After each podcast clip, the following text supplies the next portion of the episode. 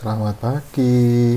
Hari ini saya ingin membagikan hasil bacaan dari Yohanes 17 ayat 1 sampai ke 26.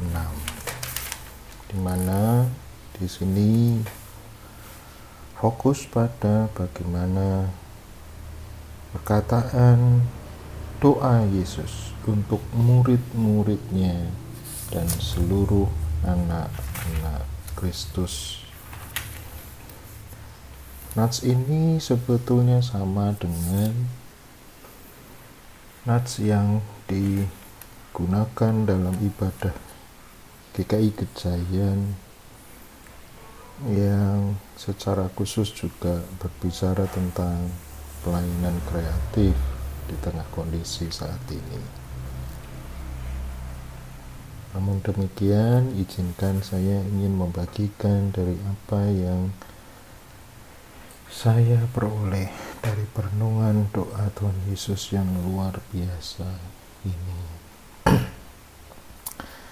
Baik, jadi dari ayat 1 sampai dengan 26 Tuhan Yesus menaikkan doa kepada Bapa yang di surga secara spesifik untuk para muridnya, murid-muridnya, dan juga untuk semua orang yang percaya kepada Kristus. Dari doa Tuhan Yesus ini, saya melihat ada satu hal paling penting ketika kita akan atau menaikkan doa kepada Bapa kita. Sebagai anak-anak yang percaya kepada Kristus yang memiliki iman kepada Kristus sebagai juru selamat kita maka Tuhan Yesus juga melalui doa ini mengajarkan bagaimana sikap doa kita.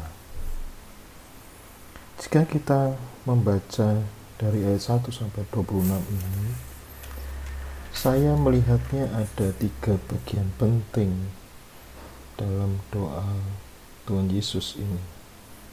Bagian pertama adalah menunjukkan bagaimana Tuhan Yesus memuliakan Bapaknya.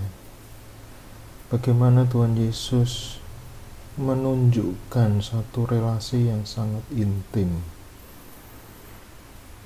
Bagaimana Tuhan Yesus menyatakan bahwa semua apa yang Dia kerjakan sebagai anak tunggal yang dilahirkan sebagai satu manusia yang utuh dan juga kealahan yang utuh untuk mengerjakan keselamatan di dunia ini.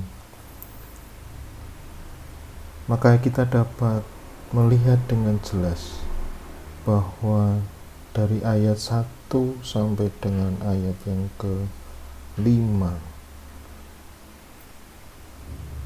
di situ sangat jelas dinyatakan bahwa Bapa permuliakanlah anakmu supaya anakmu mempermuliakan engkau. Ada hubungan yang sangat intim antara bap, anak Kristus, yaitu Kristus, dengan Bapaknya. Permuliakan menjadi satu relasi yang menunjukkan satu derajat yang sangat tinggi untuk satu hubungan yang intim antara Bapa dan anak. Di ayat 2 sama seperti engkau telah memberikan kepadanya kuasa atas segala yang hidup. Demikian pula ia akan memberikan hidup yang kekal kepada semua yang telah engkau berikan kepadanya, yaitu kepada Kristus. Ayat 3 inilah hidup yang kekal itu. Hidup yang kekal yang di diucapkan Tuhan Yesus dalam doa sebelumnya di pernyataan sebelumnya. Yang dimaksud dengan hidup kekal adalah bahwa mereka mengenal engkau. Mereka adalah e, semua orang-orang percaya termasuk murid-muridnya di situ mengenal engkau satu-satunya Allah yang benar dan mengenal Yesus Kristus yang telah engkau utus Aku telah mempermuliakan engkau di bumi dengan jalan menyelesaikan pekerjaan yang engkau berikan kepadaku untuk melakukannya. Jadi ada uh, saya memahami bahwa memahaminya di dalam doa ini bahwa hidup yang kekal itu adalah bahwa kita sebagai anak-anak Kristus yang itu adalah mengenal Bapa dan anaknya sebagai satu kesatuan yang di dalamnya ada satu relasi yang sangat-sangat mulia di mana dengan mengenal bahwa kita mengenal Allah Bapa dan juga Yesus Kristus sebagai anaknya yang tunggal maka secara otomatis eh, kita melihat bahwa Yesus mempermuliakan Bapa di bumi yaitu dengan caranya menyelesaikan semua pekerjaan yang Bapa berikan kepada Kristus. Sehingga kita perlu memahami di sini bahwa sebagai orang percaya, maka semua pekerjaan Kristus di dunia ini juga adalah pekerjaan Bapa. Tidak ada pekerjaan Kristus yang bukan dari Bapa. Semua adalah dari Bapa. Sehingga karena di situ kita memahami bahwa Kristus mengerjakan semua apa yang diperintahkan oleh Bapa, yang menjadi kehendak Bapa. Maka di situ ayat yang kelima, oleh karena itu ya Bapa, permuliakanlah aku padamu sendiri dengan kemuliaan yang kumiliki di hadiratmu sebelum dunia ada. Sehingga sebelum dunia ini dibentuk pun, hubungan relasi yang kuat dalam Kristus Yesus dengan Bapaknya sungguh memberikan suatu kemuliaan.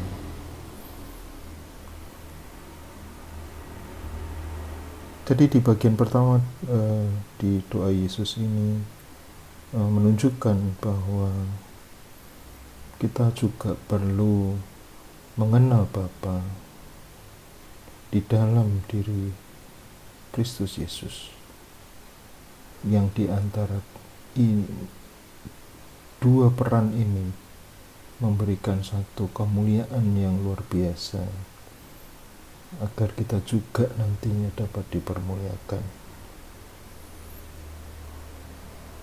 Kita harus mensyukuri di dalam doa kita untuk pengenalan akan Bapa dan Kristus ini. Karena tanpa mengenal ini pun maka kita tidak akan mengenal hidup yang kekal. Itu bagian pertama yang saya lihat dari doa Yesus kepada murid-muridnya. Kemudian di bagian kedua, Tuhan Yesus dimulai ayat ke-6. Dimulai ayat ke-6 sampai dengan ayat ke-19. Kristus sangat spesifik mendoakan untuk murid-muridnya.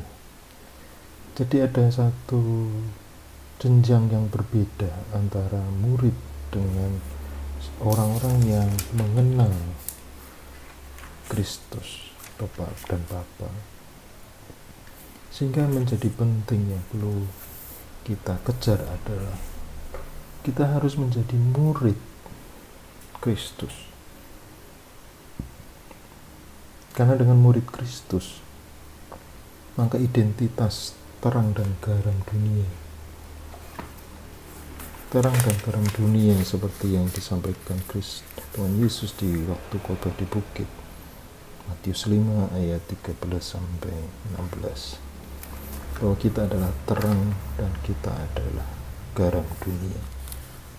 Itu adalah dua identitas yang diberikan Yesus untuk khusus kepada murid-muridnya sehingga dengan identitas itu maka Yesus menaikkan doanya kepada para muridnya. Seperti di ayat 6 jika boleh saya petikkan sedikit. 6b mereka itu milikmu dan engkau telah memberikan mereka kepadaku dan mereka telah menuruti firmanmu. Sehingga untuk menjadi murid maka yang paling penting bahwa kita sudah menyerahkan hidup kita kepada Kristus dan kita telah menuruti firman yang sudah ditetapkan oleh Bapa. Kemudian yang kedua untuk menjadi murid secara khusus untuk murid ya maksud saya. Bahwa kita harus menyadari bahwa semua yang Bapa berikan kepada Kristus adalah berasal dari Bapa Allah Bapa di surga. Jadi kita harus memahami bahwa Bapa dan Kristus adalah satu. Dan itu yang harus kita betul-betul pahami sebagai murid Kristus. Bahwa dengan kesat menyadari kesatuan, mengenal kesatuan itu, maka di ayat ke-8 Kristus, Yesus Kristus melanjutkan doanya dengan sebab segala firman yang engkau sampaikan kepadaku telah kusampaikan kepada mereka dan mereka telah menerimanya jadi tentu saja mereka tidak hanya menerima sebagai murid Kristus tidak hanya menerima tapi juga menuruti firman-Nya. Jadi mereka mereka tahu benar-benar bahwa aku datang daripadamu dan mereka percaya bahwa engkaulah yang telah mengutus aku. Oke, jadi sangat jelas di situ bahwa sebagai murid Kristus, maka kita harus memahami betul sekali bahwa Bapa dan Kristus ada satu untuk menjalankan semua pekerjaan Bapa di dunia ini. Dan kita harus selalu memuliakan Allah Bapa melalui Yesus Kristus yang kita kenal. Kemudian yang menjadi catatan lain di dalam doa ini untuk uh, bagian kedua untuk muridnya. Bahwa sebagai murid kita harus memuliakan Kristus di dalam seluruh segi kehidupan kita. Kristus adalah sebagai tujuan hidup kita. Kemudian di ayat yang ke-11 juga Kristus menaikkan doanya agar dari semua hal yang sudah dilakukan yang sudah diberikan Kristus kepada para murid dan para murid sudah merespon dan mengenal betul bahwa Kristus adalah utusan dari utusan Bapa yang di surga untuk melakukan semua kehendaknya. Maka Kristus, Tuhan Yesus naikkan doa di ayat yang ke-11 peliharalah mereka dalam namamu yaitu namamu yang telah engkau berikan kepadaku supaya mereka menjadi satu sama seperti kita. Dengan mengenal kesatuan Kristus dengan mengenal bahwa Allah Bapa memberikan semua kehendaknya pekerjaannya kepada Kristus Yesus dalam hal e, melakukan semua pekerjaan yang baik demi keselamatan manusia untuk terbebas dari dosa. Maka di ayat ke-11 di sana Tuhan Yesus menaikkan doa permohonan kepada Bapa. Peliharalah mereka supaya mereka menjadi satu sama seperti kita. Kita adalah Bapa dan Anak.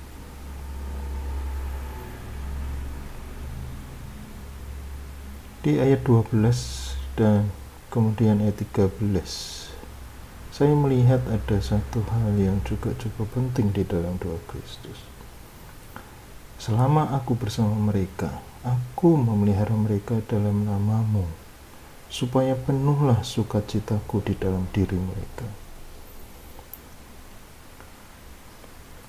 Kasih Kristus telah, jika kita mengenal kasih Kristus, kita mengenal Kristus dan Bapa, maka dikatakan bahwa Kristus memelihara dalam nama Bapa. Tujuannya untuk apa? Dengan kita mengenal Kristus, maka Kristus akan memelihara kita di dalam nama Bapa. Supaya apa? Supaya penuhlah sukacita Kristus di dalam diri mereka. Jadi sukacita Kristus ada di dalam diri kita. Dari Kristus ingin bahwa semua murid-muridnya ini bisa merasakan sukacita Kristus karena sudah melakukan semua pekerjaan Bapa sehingga menjadi penting sebagai murid uh, Kristus sebagai murid-muridnya. Maka kita juga harus menjalankan semua kehendak Bapa yang kita terima agar tujuannya apa? Bukan untuk memuliakan kita tapi untuk memuliakan Allah Bapa dan memuliakan Kristus. Dan pada akhirnya adalah kita akan mendapatkan sukacita Kristus itu di dalam kehidupan kita. Tidak ada sukacita yang lebih baik daripada itu. Kalau sukacita kita hanya didasarkan pada materi, maka pada kehidupan yang saat ini kita rasakan, itu hanya sesaat saja, gitu ya. Maka kita harus merasakan sukacita Kristus itu Kemudian yang lain yang saya juga lihat adalah bahwa di 14-15 Engkau melindungi mereka daripada yang jahat. Jadi Kristus menaikkan doa secara khusus untuk murid-muridnya. Minta kepada Bapa untuk melindungi murid-muridnya daripada yang jahat. Jahat di sini bisa berarti tidak harus dalam kekejaman dunia tapi bisa juga eh, yang saya pahami adalah dari roh-roh jahat.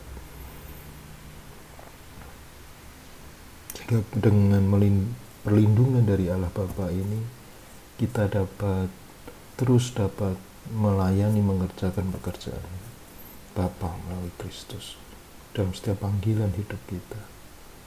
Itu menjadi penting karena pengenalan pengenalan Kristus ini kalau kita tidak kuat, kita tidak tumbuhkan, bisa jadi itu akan memperlemah kita. Memperlemah di sini akan mudah sekali kita akan mendapat serangan dari roh-roh jahat. Akan mudah sekali kita masuk dalam pencobaan-pencobaan kita sendiri.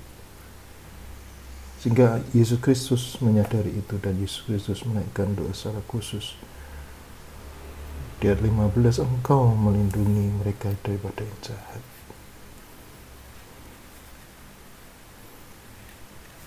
kemudian yang berikutnya adalah di doa Kristus Yesus untuk murid-muridnya di ayat 16-17 dan Yesus menaikkan doa untuk menguduskan murid-muridnya di dalam kebenaran firman Bapa. Kebenaran dan firman Bapa adalah kebenaran. Jadi Kristus Yesus menaikkan doa agar kita bisa hidup dalam kebenaran, kebenaran yang didasari pada firman Tuhan, bukan kebenaran duniawi, bukan kebenaran kita sendiri. Tapi dengan kebenaran dari Allah dan melalui firman-Nya itu sendiri akan menolong kita. Menolong untuk apa? Untuk kita diutus di ayat yang 18 Kristus menaikkan doa aku telah mengutus mereka ke dalam dunia dan aku menguduskan diriku bagi mereka supaya mereka pun dikuduskan dalam kebenaran. Sehingga dengan menguduskan ini terkait dengan menguduskan Kristus mendoakan agar kita kudus di dalam kebenaran. Kebenaran yang selalu didasarkan uh, pada firman. Karena firman Bapak adalah kebenaran itu sendiri sehingga dengan kebenaran yang kita miliki dengan kekudusan yang terus eh, Kristus doakan untuk kita maka kita akan diutus. Kita akan dimampukan untuk diutus untuk mengerjakan semua pekerjaan Bapa. Sehingga pada akhirnya supaya kita pun sebagai murid-murid Kristus dikuduskan dalam kebenaran selain doa kepada murid-muridnya Kristus juga menaikkan doa secara khusus juga untuk orang-orang percaya kepada Kristus oleh pemberitaan mereka. Jadi pemberitaan murid-muridnya ini Kristus juga semua orang yang percaya dari pemberitaan yang disampaikan oleh murid-muridnya termasuk kita ketika kita menjalankan pekerjaan Allah ini.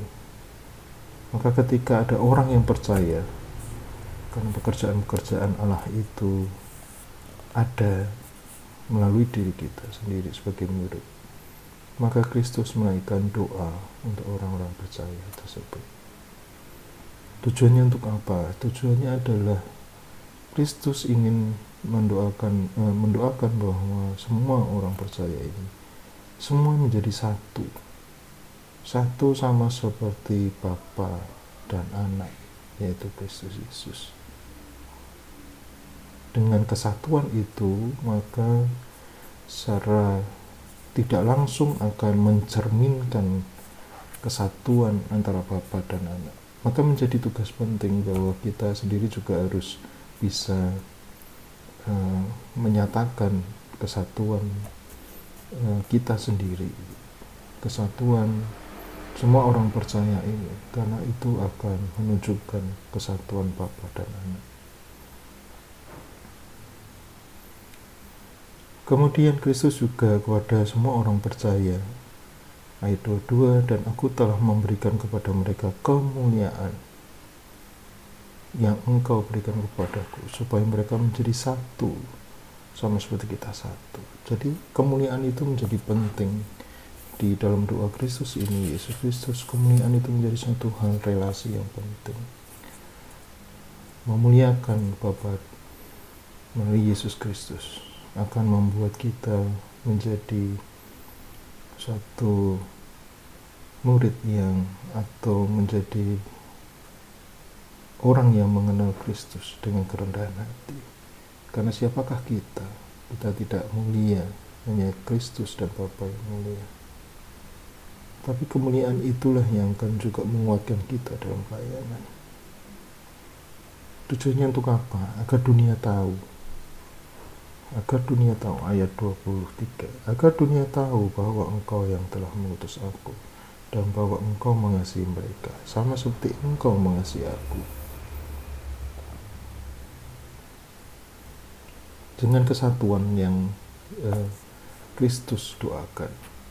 Dengan kesatuan kita sebagai orang-orang yang percaya maka menjadi satu hal penting untuk itu dijaga. Karena dengan kesatuan itu juga mencerminkan kesatuan Bapa dan Anak. Dan terlebih lagi adalah juga mencerminkan bahwa Bapa mengasihi kita. Sama seperti Bapa mengasihi Kristus yang terakhir adalah di mana pun kita berada sebagai anak-anak Kristus sebagai anak Allah kita juga harus selalu bersama-sama dengan Kristus. Kita harus selalu menyadari bahwa Kristus ada di dalam hidup kita. Di mana setelah Yesus Kristus dengan seluruh kemanusiaannya naik ke surga maka roh kudus dicurahkan pada kita untuk menolong kita, membantu kita untuk bisa mengenal lebih jauh lebih dalam lagi akan kasih Kristus. Demikian renungan dari saya. Semoga bisa menguatkan kita semua. Selamat pagi, Tuhan Yesus memberkati.